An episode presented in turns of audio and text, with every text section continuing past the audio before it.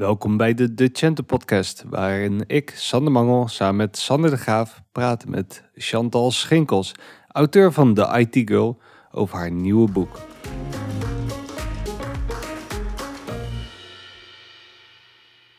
Chantal, over je boek. Het is niet een gemakkelijk onderwerp, denk ik. Vrouwen in de IT, het is een beladen onderwerp. Het is een heel uitgebreid onderwerp. Dat is niet een onderwerp waar je zomaar even opkomt, gok ik. Daar gaat een verhaal aan vooraf. Kan je dat met ons delen? Wat heeft je aangezet om dit boek te gaan schrijven? Ja, dat heeft best wel een lange geschiedenis. Je leest natuurlijk wel eens wat en je hoort dingen. Maar het wordt pas echt als je het uh, zelf ook meemaakt. En dat is eigenlijk voor misschien heel iets kleins en waarschijnlijk onbewust gedaan. Maar ik kwam er op een gegeven moment achter dat mijn mannelijke collega, die korter werkzaam was, uh, jonger is, meer verdiende. En nu denk je, ja, dat, sommige mensen die kunnen daar heel makkelijk overheen stappen. Maar bij mij was het een soort lichamelijke pijn die dat veroorzaakte. Hetzelfde een beetje als je hoort dat je partner is vreemd gegaan. Weet je wel, een soort vertrouwensbreuk ja, zo voelde het toen ik erachter kwam dat ik minder verdiende dan, uh, dan hij. En ja, ik, ik las wel over succesvolle vrouwen in de tech en ik had er wel eens wat van gehoord. En, maar ik dacht, in Nederland komt dat toch niet voor. Maar ja, dus daar kom je dan achter en dan hou je dan in eerste instantie weer dat bij jezelf houden. En denken dat het een, ja, dat het ongeluk is gegaan of dat het een incident was geweest. Maar dan ga je toch met andere vrouwen over praten en dan hoor je dat dat vaker voorkomt. En dan niet alleen het verschil in loon, maar er gebeuren ook nog andere dingen op het moment dat je als vrouw in een mannengedomineerde wereld werkzaam bent. Dat verhaal wilde ik vertellen. Dat heb ik dus uh, bedacht om dat in een boek te doen. Ik kon er een blog over schrijven natuurlijk, of ik kon er een podcast over maken. Maar een boek was, geeft toch een beetje wat meer autoriteit aan het onderwerp. Ja, zeker. Ik denk dat het ook een goed medium is om iets wat breder uit te zetten. Dat merken we zelf ook wel, dat een podcast erg vluchtig is. Dat je dat je dingen niet heel erg in de, in de diepte kan behandelen, terwijl dat met een boek natuurlijk uh, wel kan. Dit onderwerp staat eigenlijk al jaren op, op uh, de agenda van onze sector, van de IT-sector. Er wordt altijd geroepen van, nou, dat kunnen we oplossen door representation, uh, dus vrouwen in de boardroom hebben. Dat kunnen we oplossen door meer vrouwelijke sprekers op conferenties te hebben. Maar goed, als het zo simpel was, dan waren we toch al een soort van klaar geweest ja, als het zo simpel was, dan uh, dat dacht ik dus ook. Ik dacht, als we terug naar, de, naar de loon, uh, het loonverschil, ik zag dat heel erg, dat, dat is mijn schuld. Ik had daarom moeten vragen, net als dat een man dat daarom zou vragen. We kunnen dit heel makkelijk oplossen. Aan de ene kant moeten vrouwen gewoon wat assertiever zijn en beter kunnen onderhandelen. En aan de andere kant moet er gewoon een vrouwenquotum komen. want dan zou dit ook allemaal opgelost zijn. dus zo ging ik ook eigenlijk het boek in. Uh, totdat ik heel veel uh, vrouwen in de tech sprak over dit onderwerp. Uh, heel veel las en heel veel onderzoek heb gedaan. Dan blijkt er dus dat dit soort zaken veel makkelijker gaan in bijvoorbeeld Oostbloklanden. Daar vind je dus wel heel veel vrouwen in de tech, heel veel vrouwelijke developers. maar waarom is het dat het in Nederland eigenlijk zoeken is naar een speld in een hooiberg?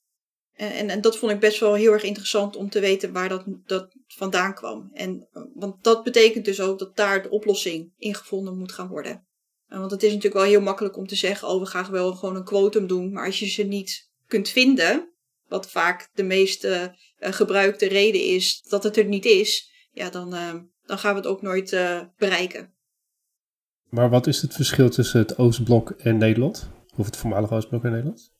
Oost-Europa is meer. Uh, we hebben het heel goed in Nederland. Wij kunnen leven op anderhalf inkomen. Dus als vrouwen, eh, vanuit de geschiedenis, we hebben nooit echt moeite hoeven doen om een volledig uh, financieel onafhankelijk te moeten zijn. En je merkt, je ziet ook in onderzoek dat op het moment dat er minder democratie is in een land of meer de noodzaak is dat je je eigen broek moet op, uh, uh, ophouden, dat vrouwen meer geneigd zijn om voor een baan te kiezen waar er baangarantie is en waar je gewoon goed geld kan verdienen. En die prikkel is in Nederland veel minder. Oké, maar dat, dat, dat klinkt erg een, eendimensionaal. Zo van, nou ja, als je geld nodig hebt, dan ga je wel werken of zo. Maar dat, dat denk ik niet wat je zegt, toch? Zo, zo eenvoudig is het toch niet? Daar ging ik dus ook nog verder onderzoek naar doen van hoe, kom, hoe komt het? We zijn toch in Nederland zo'n progressief land. Uh, er is toch helemaal geen verschil in, tussen man en vrouw, maar wat, wat blijkt. En dan blijkt dus ook dat ik de Nederlandse geschiedenis ook niet zo heel erg goed ken. Maar dat we tot de vrouwen tot 1955 handelingsonbekwaam waren. En dat betekent dus dat je letterlijk een briefje, want daar is het huishoudgeld ook vandaan gekomen, uh, dat je een briefje van je man moest hebben om de, om rekening bij de slager te kunnen betalen. Uh, tot 1955 mochten vrouwen niet eens een bankrekening hebben. Uh, je werd ontslagen op het moment dat je ging trouwen. En 1955, zo, zo, ver, zo lang geleden is dat niet. Op het moment dat je het aan je moeder of aan je oma gaat vragen, ze hebben het meegemaakt. Ja, dit, uh, dit is inderdaad voor mij, als ik eerlijk ben, nieuws. Ja, over het verleden dan weliswaar. maar op een gegeven moment, je, je, je komt hier zo achter tijdens je onderzoek. Um, je begint natuurlijk tijdens het schrijven, of eigenlijk misschien daarvoor al wel, wel een soort beelden te vormen van hè, wat zit hier nou knel, wat, wat, wat, wat mankeert hier nu? Dit vind ik al een heel verrassend statement, eerlijk gezegd. Terwijl nou ik, had het zelf ook uh, kunnen, kunnen onderzoeken of zo. Maar wat zijn nog meer dingen waar je achter gekomen bent dat je denkt van jeetje, dat, dat zou toch een soort van algemeen bekend moeten zijn of zo. Maar ik vind dit toch wel een, een belangrijk ding ja, wat ik uh, heel bijzonder vond om te horen is dat wat de impact uh, is van het, niet hebben van een divers team in, in, development in de tech. Uh, daar schrok ik heel erg van, omdat we als we naar de toekomst kijken, we weten wat in het verleden is gebeurd, maar als we naar de toekomst gaan kijken en naar de technische ontwikkeling die er momenteel gaande is, op het moment dat daar niet, het, op, het moment dat dat wordt bedacht door, en ik zeg het nu echt heel, heel sec door een homogene groep van witte mannen, dan uh, bedenk, krijg je ook producten die daarvoor gemaakt zijn. En die dus niet een complete groep kunnen aanspreken. En dat is misschien vervelend op het moment dat een zeepdispenser een gekleurde hand niet kan herkennen, omdat je een algoritme gebruikt die dat, die dat niet kan zien. Uh, maar het wordt pas eng op het moment dat je een zelfrijdende auto hebt en wel een wit persoon herkent, maar een gekleurd persoon dood kan rijden omdat die gewoon door het algoritme niet wordt, uh, wordt gezien. Maar dat is wel een verschil, zeg maar een ander verschil tussen, het is niet man-vrouw, dat is meer uh, wit-donker, zeg maar. Ja, ja. Maar heb je ook voorbeelden waarin je dit gezien hebt waarbij man-vrouw verschillen dit soort uh, obvious rare dingen opleveren? Ja, bijvoorbeeld een heel simpel toegangspasje voor een arts. Het algoritme die zei dus wel van, oh, op het moment dat er een man voor de, voor de gezichtscanner stond, oh hey, ik kan dat zien, ik kan het herkennen, het is een man. Uh, dat is ook uh, vaak als je aan een man, aan een arts denkt, dan denk je ook aan een man. Uh, en dat soort onbewuste voordelen zitten allemaal in, in algoritmes. Dus die wordt toegelaten en dan komt er een vrouwelijke arts met, met een zelftoegangspas en die wordt niet herkend omdat het een vrouw is. En dat kan nooit een arts zijn. Ja, ja dus het algoritme is eigenlijk al voor ingenomen ja. Uh, dat op het moment dat het niet op een man lijkt, zal het wel niet oké okay zijn. Ja, ja. Ja, dat is inderdaad uh, wel, wel shocking. En, en je, je, zegt dat dat is eigenlijk wel te wijten aan het feit dat het ontwikkelteam wat eraan gezeten heeft, uh, nou waarschijnlijk nou ja, precies voldoet aan het stereotype wat dus wel herkend wordt. Want daar hebben ze het op gebouwd en op getest waarschijnlijk. Ja, en dat gaat best wel ver, want er zijn algoritmes die worden gebruikt in de open source omgevingen die tags bevatten. Want voorheen uh, werd de algoritme voornamelijk gevuld met uh, via mensenwerk. Uh, nou, dan werden er tekst gegeven op het moment dat er een vrouwenafbeelding werd getoond van slet, hoer. Die tekst kregen, kregen vrouwenafbeeldingen. En er, het, het gaat zelfs zo ver dat als je een bepaald softwareprogramma een foto van een man laat afmaken, dus je ziet het gezicht van een man en dan laat je de software het, de afbeelding zelf afmaken. Dan wordt die vaak getoond in een pak met een stropdas. Op het moment dat je een vrouwenfoto laat afmaken door diezelfde software, dan komt het in bikini. Ja, dus eigenlijk de stereotypes die we als een geintje zien, die zie je eigenlijk daar in de realiteit de impact hebben, haast. Ja, klopt. En het, het, het is inderdaad, eh, het zal vast en zeker als geintje worden uh, ingekleurd. Maar uh, op het moment dat we dus naar de toekomst kijken, dan, dan is dat voor de toekomst. En in een technische ontwikkeling die gebruik maken van die open source algoritmes, kan dat heel vervelend gaan worden. Ja, Ja, dan zie je pas echt de impact ervan. En, en in, in onze sector, hoe, hoe zou je dat kunnen zien? Want ik kan me voorstellen dat je zelfs bij, bij e-commerce dit soort dingen tegenkomt bij het ontwikkelen van een, van een webshop. Heb, heb je daar enige inzicht op hoe, hoe dat negatieve impact heeft? Ik heb geen onderzoeken daar zo van liggen, omdat het nog best wel een branche is die heel kort bestaat. Maar je kunt natuurlijk wel indenken dat op het moment dat er een, een, een groep developers, mannelijke developers met een project bezig zijn, dat die ja, met dezelfde ideeën komen en met dezelfde uh, normen en waarden aan het programmeren zijn. Op het moment dat je daar vrouwen erbij zet, of uh, natuurlijk ook mensen, die moeten we ook niet, zeker niet vergeten, met een biculturele achtergrond, uh, dan komen daar veel meer ideeën bij, waardoor het product vollediger en aansprekender wordt voor een veel groter publiek. Ja, ja, ik kan me voorstellen dat een vrouw op een andere manier filtert op een, op een webshop of iets dergelijks dan, uh, dan een man. Dus, dus dat je eigenlijk ook geld laat liggen op het moment dat je, dat je niet investeert in een divers team. Ja, en heel, heel concreet, Apple die had een gezondheidsapp gemaakt en in de eerste versies ontbrak bijvoorbeeld het trekken van je, van je menstruatiecyclus. Dat zat er gewoon niet in. Dat was vergeten. Zo het essentieel onderdeel van de vrouwenleven, volgens mij. Ja, en daardoor is dan zo'n gezondheidsapp misschien minder aanspreekbaar, uh, aansprekend voor of bruikbaar voor vrouwen. Is dit nou een groter probleem in de IT-sector dan in, in andere sectoren? In andere door mannen gedomineerde sectoren, zoals de wetenschap, uh, maar ook overheid, uh, politie, is het net zo'n probleem. Alleen is de impact in de tech gewoon groter omdat we nu bezig zijn met de basis te leggen van de technische ontwikkeling van morgen. Dus als op het moment dat je bouwt van, met, een, met een, zoals ik al aangaf, een algoritme wat al gekleurd is, dan bouw je daarop verder. Ja, precies. Omdat, er, omdat eigenlijk het fundament al zo biased is, escaleert het eigenlijk alleen nog maar, zeg je. Ja, ja als daar niks, als, als, het, als daar geen bewustwording voor komt, dan escaleert dat ja. Stel dat we dat we de techsector aan, eh, dat, dat we de techsector aantrekkelijker maken voor, voor vrouwelijke developers. Is daarmee het probleem dan, dan opgelost? Zouden we eh, minder grapjes maken met jongens onder elkaar? Een eerlijk salarishuis? Uh, noem maar op. Is dat dan genoeg of, of moeten we meer doen? Wat, wat zijn concrete... Nou goed, Sander, uh, Sander Graaf heeft een, uh, een agency. Ik gok zomaar dat, dat jullie ook nog niet op 50-50 vrouwen zitten waar begin je? Nou, dat is best wel heel erg lastig, omdat je, je hebt eigenlijk drie lagen. De eerste laag is als kinderen nog jong zijn. De tweede laag is richting middelbare school en dan dat ze moeten gaan kiezen voor de vervolgstudie. En de derde laag is waar we nu mee te maken hebben en dat is de werkvloer.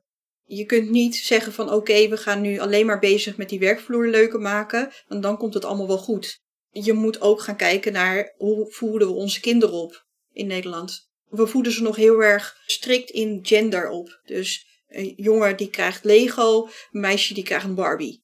Op zich, op het moment dat kinderen worden geboren, dan zijn de hersens ongeveer gelijk. Op het moment dat je als jongen heel veel leert in met Lego spelen of andere speelgoed wat je ruimtelijk inzicht geeft, dan word je daar zekerder in en beter.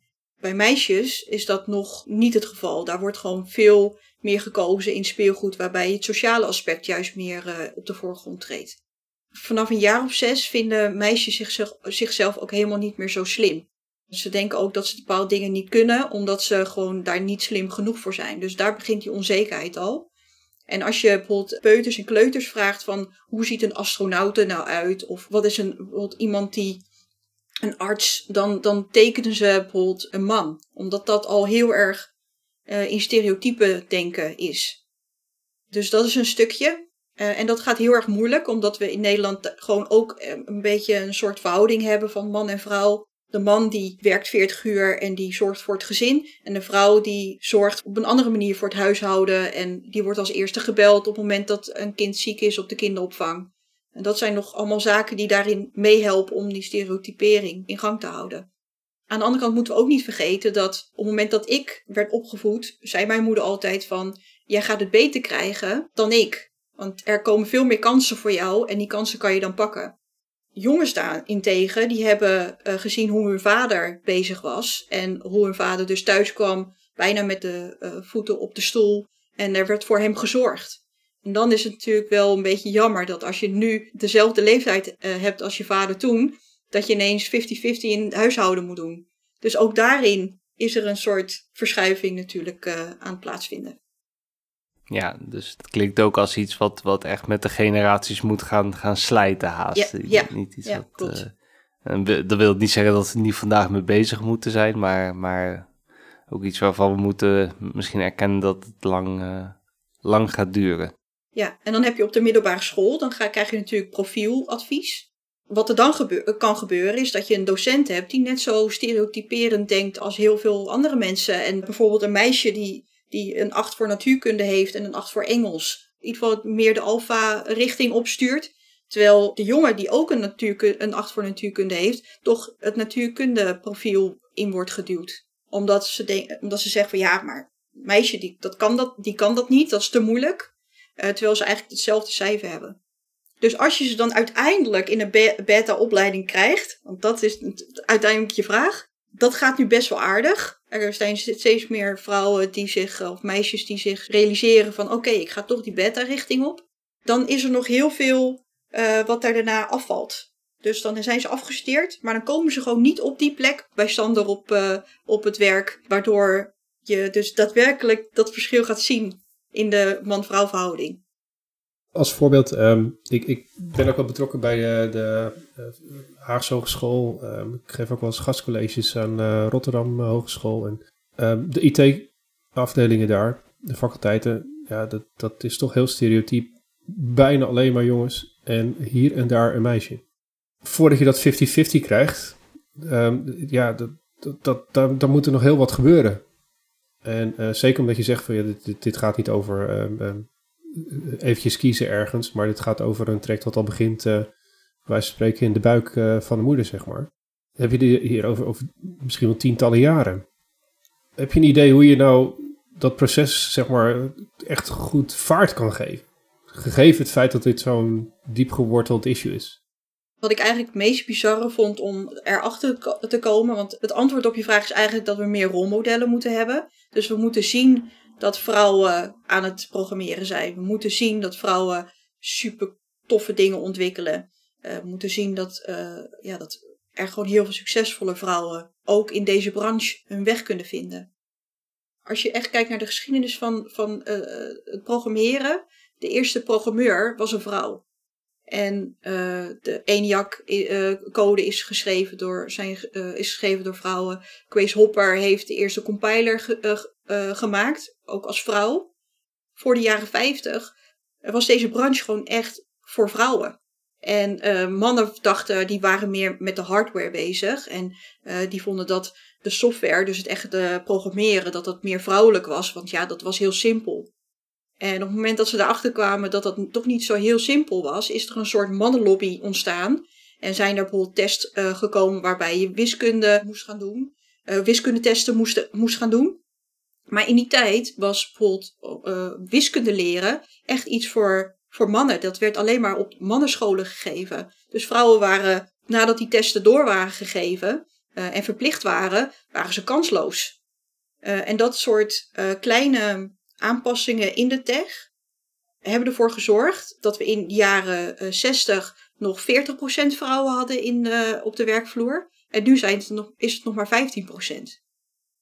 Wat mij wel verbaast is, dan hebben we het natuurlijk over de, de, de geavanceerde techbanen. Terwijl als je gaat kijken naar een gemiddeld webbureau, ja, ik kan, ik kan met uh, vrij grote zekerheid zeggen dat ik geen uh, wiskundegenie ben en dat ik ook eigenlijk nooit de IT-opleiding heb afgemaakt. Dus een bedrijf kan zichzelf eigenlijk nog ineens verschuilen achter het eh, zeggen dat, dat vrouwen niet technisch genoeg zijn of niet genoeg wiskunde hebben gedaan of wat dan ook. Want volgens mij juist in e-commerce en webdesign, dat is het veld waar je, waar je als, als nitwit in kan rollen en, en, en, je stempel kan drukken. Dus laten we even eerlijk zijn er is niet een PhD nodig om, uh, om Magento te kunnen programmeren. Misschien nu wel ondertussen, maar weet je. Dus het zou juist een, een veld moeten zijn waar ook, ook vrouwen gewoon binnen kunnen komen. Kunnen zeggen van, nou, ik heb misschien geen achtergrond hierin, maar ik heb er wel zin in. Ik, ik ga daarvoor. Is dat dan toch dat er een bepaalde cultuur heerst die misschien niet aantrekkelijk is voor vrouwen? heel, veel, uh, heel veel hebben het altijd over vrijdag bier en, uh, en, voetbaltafels en zo. Is dat, is dat dan iets wat echt afschrikt? Of is het feit dat je interview altijd met, uh, met een man is, laat me zeggen? En wil ik niet afgeven op jou, Sander, maar Sander kan best intimiderend zijn aan de overkant van de tafel. Dus is dat misschien een probleem dat jij zou moeten zeggen, nou, uh, zo'n interview zou moeten worden gedaan door, door een vrouw? Ja, uh, alles wat je nu zegt kan een, uh, een trigger zijn dat de vrouw de techwereld verlaat. er zijn bijvoorbeeld redenen dat je de cultuur inderdaad moeilijker vindt. Zo vond ik het helemaal geweldig toen ik een baan kreeg bij een techbedrijf. Dat er een tafelvoetbal stond, want ik vond het tafelvoetballen echt geweldig. En uh, ik weet nog heel goed dat ik de eerste dag daar uh, heel helemaal blij daar naartoe ging. Want ik had nog thuis gezegd van, ah, er staat een tafelvoetbal. Ik ga eindelijk ga ik, uh, kan ik een potje meespelen. En wat, wat blijkt daar, het is een, wereld op zich aan het tafelvoetbal. er stonden dan vier, eigenlijk zes mannen omheen. en die hadden gewoon hun eigen parcoursje, hoe ze dat tegen elkaar speelden. En na dag twee of drie durfde ik eindelijk te vragen of ik ook een keertje mee mocht doen. En toen werd er heel erg zielig naar elkaar gekeken van, oh, wie moet er dan met haar? Dus ja, dat, dat zijn wel dingen waardoor je jezelf een beetje alleenig voelt uh, op dat moment. Dus uh, dat, dat, dat zou ook een reden kunnen zijn. Kan een reden zijn dat je überhaupt het sollicitatieproces niet doorkomt, omdat ook weer die onbewuste vooroordelen. Ten eerste, als je als vrouw zegt wat je allemaal hebt gepresteerd, word je als opschepper gezien. En dan word je niet leuk gevonden, dus dan krijg je de baan niet. Of de vrouwen solliciteren helemaal niet, want die solliciteren pas als ze 100% aan de hele vacature voldoen. Terwijl mannen dat al bij 60% zouden doen. Of je wordt het niet omdat je niet op de persoon lijkt die jou, die jou interviewt. Want het is natuurlijk logisch dat als jij iemand interviewt, dat je je waarde, je weet hoe goed je zelf bent. En als iemand op jou lijkt, dan ga je er eigenlijk vanuit dat die ander ook zo goed is. Maar op het moment dat je niet op elkaar lijkt en dus uh, als man en vrouw tegenover elkaar zit, ja, dan krijg je toch wat meer twijfels of, of dat wel de beste persoon voor de functie is. En dat hoor je heel vaak. Van ja, maar wij kijken niet naar man-vrouw verhouding, we kijken naar de beste persoon voor de functie. Alleen soms moet je eens ook kijken naar wat de beste persoon is voor een team. Ja, dat is natuurlijk heel subjectief, hè? wie de beste persoon is voor een functie. Dat, dat, dat is zelden op data uh, gebaseerd volgens mij. Ja, klopt. En als dat wel gebeurt, bijvoorbeeld bij Amazon deden ze dat wel op data. Dan hadden ze dus een algoritme draaien uh, waarbij ze dus op basis van de mensen die er al werkten, daar werd dan een algoritme opgebouwd. En dan, uh, want Amazon krijgt natuurlijk duizenden sollicitatiebrieven per dag.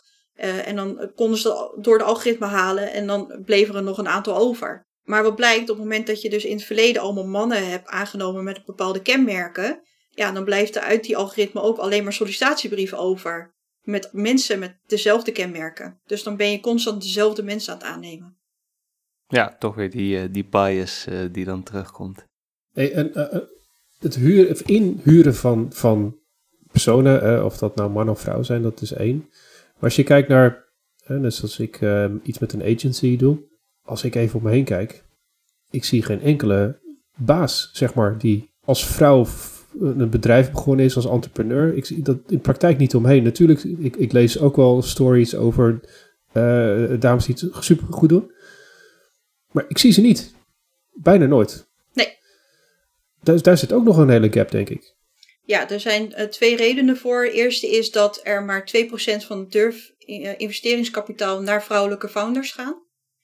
Uh, omdat ook daarin uh, durfkapitalisten vaak mannen zijn en toch willen investeren in mensen die heel erg op hun lijken. Uh, wat het ook nog een minpunt is van zo denken, is dat het geld wordt rondgepompt in dezelfde soort groepen. Dus je verspreidt je geld niet over verschillende lagen van de bevolking, maar pompt het rond in, dezelfde, in dezelfde groepen. En uh, het tweede is, is dat vrouwen het heel moeilijk vinden om zichzelf uh, zichtbaar te, te maken in de organisatie. Op het moment dat je als, uh, als vrouw zegt van hé, hey, ik heb dit en dit bereikt, dan word je toch een beetje als opschepper gezien. terwijl op het moment dat een man dat doet, wordt er gezegd van oh, dat heb je echt goed gedaan. Net als dat als er iets fout gaat in een organisatie of bij een persoon, dan is het bij een vrouw, komt dat door een persoonlijk minpunt dat het fout ging. Terwijl bij een man uh, komt dat door externe factoren. Maar denk jij dat die, uh, dat, met name dat tweede punt, hè, dat dames, vrouwen, wat is, wat is eigenlijk de goede term? Meiden, die term zou ik niet gebruiken, maar wat is wel de goede term? Gewoon, gewoon, dat maakt vrouwen is prima. Okay, goed. Kijk, ik ben deze agency ook begonnen zonder investeringskapitaal. Dus stel dat ik dat nou punt even vergeet. Maar waarom willen vrouwen zich niet laten zien dan? Want dat, dat deel snap ik niet helemaal. Je zegt, ze worden gauw uh, als opschepper neergezet. Nou, ik ken genoeg mannen die ik echt enorm opscheppers vind. Maar ik moet je heel eerlijk zeggen, zo vaak krijg ik de kans niet om iemand een opschepper te vinden. Want zo vaak zie ik gewoon geen vrouwen die die stap nemen.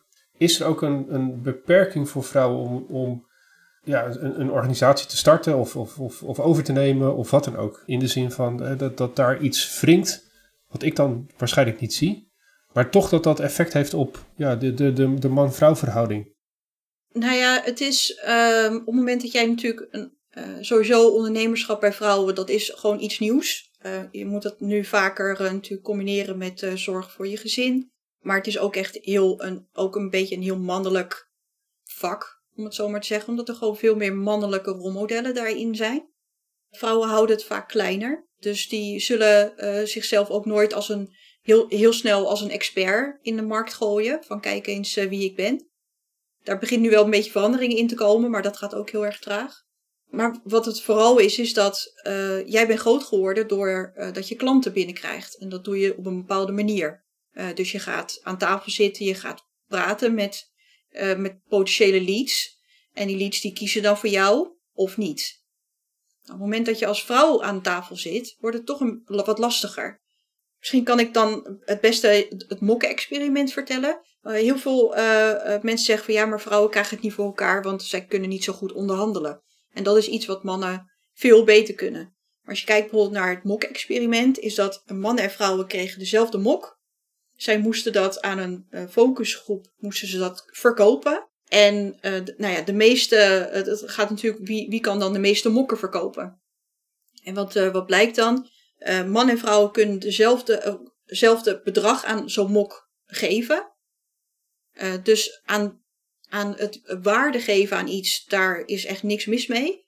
Maar terwijl op het moment dat een man zegt van hé, hey, deze mok kost 2 euro, dan wordt dat aangenomen en wordt dat geaccepteerd. Dus dan de focusgroep kocht die mok ook voor 2 euro. Op het moment dat de vrouw zei van hé, hey, deze mok kost 2 euro, zei ze van nee, ik wil daar 1 euro of 1,50 voor geven. Ik herken op zich wel wat je zegt. Ik heb in aardig wat gesprekken gezeten, uh, dagelijks nog, ook, ook met vrouwelijke collega's. En dan op een of andere manier, en het, zijn niet, het is niet bij iedereen, maar er zijn, er is een groep mannen, en misschien zelfs ook wel vrouwen, die standaard de vragen toch weer naar de man gaan stellen, in plaats van de vrouw. Dus ik zit daar met mijn collega en we hebben een pitch of wat dan ook, of we zijn wat uit het uitleggen. En ik krijg uiteindelijk altijd de vragen. En dan heb ik zoiets van, ja, mijn collega zit daar en zij kan het waarschijnlijk beter uitleggen dan ik het kan uitleggen. Maar toch blijf ik, blijft het gesprek op mij worden gefocust. En dat, is, dat, dat, dat zie ik bij een bepaald soort mannen heel veel gebeuren. zie ik ook wel bij vrouwen gebeuren en dat verrast me af en toe. Maar dan heb ik zoiets van, is dat misschien ook gewoon een generatie die uit moet sterven? Laat het even zo zeggen. Ik denk dat dat bij de jongere generatie al minder is. Ik denk dat het daar normaler is dat je, dat je, dat je gewoon een gesprek met een vrouw uh, voert. Hoe stom het ook klinkt. Maar ik heb het idee dat, dat zeker 40 plus, 50 plus, dat, ja, daar lijkt die bias nog wel te zitten dat ze toch het liefst dat met een man spreken voor een of andere onmogelijke reden. Klopt. En je, je zei van uh, zelfs vrouwen doen het. Nou, dat was dus uh, denk ik het laatste punt waar ik echt wel heel erg over viel. En dan dacht ik van, oké, dit is dus, laten we zeggen, een vrouwenprobleem.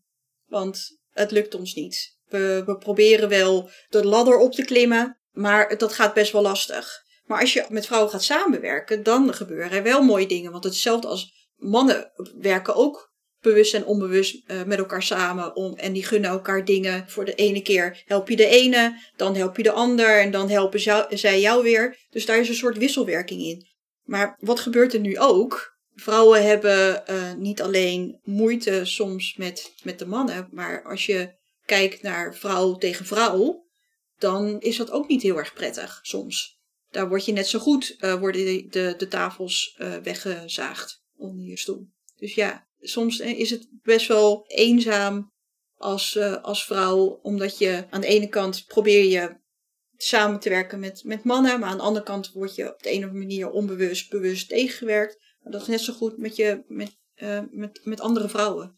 Daar moet je ook niet ervan uitgaan dat ze je helpen. Komt toch weer terug bij de eeuwenoude don't be an asshole rule, lijkt het wel. Als iedereen gewoon nog een beetje aardiger zou zijn tegenover elkaar. Het is een wonderbaarlijk probleem, vooral dat het in de 21ste eeuw nog steeds een probleem moet zijn. Hè? Dat verbaast me eigenlijk altijd wel weer. Maar zijn er wel vrouwen waarvan je zegt van nou, die, die hebben het wel op een of andere manier goed gedaan in de techsector. Die zijn in een positie waar ze een leadership rol hebben, waar ze, waar ze een safe space hebben kunnen creëren voor vrouwen in de techsector. Heb je dat soort rolmodellen waar je, waar je tegenop kijkt? Die zijn er. Alleen het zijn natuurlijk andere rolmodellen die. Uh, kijk, als je. Als ik aan jullie mag vragen, wat zijn jullie rolmodellen? Waar kijken jullie naar op? Naar mezelf, zeg je dan. Als nee, ja, nee, dat, dat, is, dat is een hele lastige. Dit is wel een super moeilijke vraag. Ik denk dat het uh, nogal aan ligt uh, over wat voor soort vakgebied je het hebt. Ik, ik, ik kan zo eventjes niet bedenken wie nou mijn idool is, nee, eerlijk gezegd. Um, Terwijl ik ze ongetwijfeld wel zou hebben, bewust of onbewust. Ja, ik zal dan bijvoorbeeld denken aan Steve Jobs of aan uh, Mark Zuckerberg of aan Elon Musk of aan uh, um, eigenlijk een beetje de, de mannen die uh, de technologie, Bill Gates, de technologie van, van heden in elkaar hebben gesleuteld. Dus ook met programma's die je misschien dagelijks gebruikt. En voor vrouwen is dat vrouwelijke um, namen is, zijn best wel lastig om, om uh, op te noemen. Ik heb er wel, ik, heb uh, contact met heel veel hele slimme vrouwen die uh, best wel hoog in de techsector zitten, zoals Gina Doekie. zij is cybercrime specialist bij de politie. En Maritjo van Leeuwen, dat is een, een cybersecurity expert. Maar ook bijvoorbeeld Melanie Riebeck. Zij heeft een bedrijf in cybersecurity, maar dat doet ze op non-profit basis. En het allermooiste daar is, is dat zij werkt dus met alleen maar freelancers. Maar als zij communiceren, doen ze dat soort van anoniem. Dus zij, weet, zij weten niet of zij praat, uh, of ze praat met een, een vrouwelijke freelancer of een mannelijke freelancer. Waardoor je dus dit hele probleem niet meer hebt. Ja, zo, zo uit mijn hoofd de, de enige echt grote namen die ik ken in de techsector waarvan ik, zou, waarvan ik zou zeggen, nou oké, dat is wel echt iemand waar ik tegenop zou kijken, is uh, de co-founder van Mozilla. Ik weet haar naam echt niet, maar dat is gewoon meer omdat ik nooit namen weet. Uh, maar zij is een vrouw. Uh, en als ik, als ik één, ja, één project in de techsector wel gaaf vind, dan is dat het Mozilla-project. Dus, dus dat, ja, dat is zo even de enige die me bijstaat waar ik ook echt van zeg, ja, die is heel graag. Nou Grace Hopper natuurlijk, maar dat is denk ik een legende voor iedere uh, developer, of dat zou het wel moeten zijn. Maar ja, over het algemeen heb ik niet zoveel rolmodellen, moet ik heel eerlijk zeggen. Steve Jobs zeker niet. Elon Musk alsjeblieft ook niet. Jeff Bezos echt. Als ik ooit zo'n type persoon word, dan zou ik echt verschrikkelijk vinden. Maar ik heb sowieso een beetje problemen met de, met de helden die de techsector verheerlijkt. Dat, uh, zijn over het algemeen een setje eikels eerste klas. Dus dat, uh, ik vind dat we daar sowieso wel een probleem hebben. Hey, eventjes uh, over je boek. Op een gegeven moment uh, ga je, je gewoon onderzoek doen. Feiten probeer je te verzamelen. Je probeert anekdotes te verzamelen. Je probeert een kennissenkring op te bouwen voor zover dat je niet hebt. overal krijg je informatie. Maar het is zo'n groot onderwerp. Hoe breng je dat terug tot een boek? Ja, is een heel Met een begin en een eind. Ja, dat is een heel, uh, hele goede vraag. Want ik ging al eigenlijk meer richting uh, de 80.000 woorden. Uh, en dan, dan heb je een boek van uh, 300, 400 pagina's. Dat is veel. en mijn uitgever zei van, Chantal, dat is allemaal leuk en aardig. Maar een boek van 300 pagina's koopt niemand. behalve mensen die het lezen leuk vinden. Dus dat, dat moet, op het moment dat je de boodschap echt over wil brengen, dan moet dat minder. Dus je, um, ja, je, je probeert eigenlijk in gedeeltes dat, dat je, net als wat ik hier doe, uh, het topje van de ijsberg geef ik aan jullie door om daarover na te denken. Uh, want het is namelijk inderdaad heel erg groot. En ik heb um, 30, 40 mensen gesproken over dit onderwerp. Maar ik kom nog steeds dagelijks mensen tegen uh, qua namen waarvan ik denk, ja, die had er ook in gemoeten. En deze quote had er ook in gemoeten. En misschien was het met deze quote wel heel duidelijk geweest. Dus ja, het is een soort never-ending iets Wat, ja, je, je kunt er niet echt een compleet verhaal van maken. Ja, je had nog niet eerder een boek geschreven. Nee, dit is mijn eerste boek. Ja, dus eigenlijk ben je hier ingesprongen, wetende dat je een enorm onderwerp bij de kop gepakt hebt. Dat, dat wist ik toen nog niet trouwens. Oh, oké, oké. Nou goed. Eigenlijk, uh, al, al naar gelang je bezig was, uh, kreeg je steeds meer door van, oh jeetje, um, het wordt steeds groter. Ja. Um, nou, en dan zeg je uitgever even heel makkelijk van, nou, weet je, snoei het even terug tot, uh, tot de helft van wat je had ongeveer. Ja. Maar dan vraag ik mezelf af, ergens, ergens moet, je, moet je keuzes maken van wat vind ik wel belangrijk, maar wat zijn ook de dingen die ik nou heb laten vallen?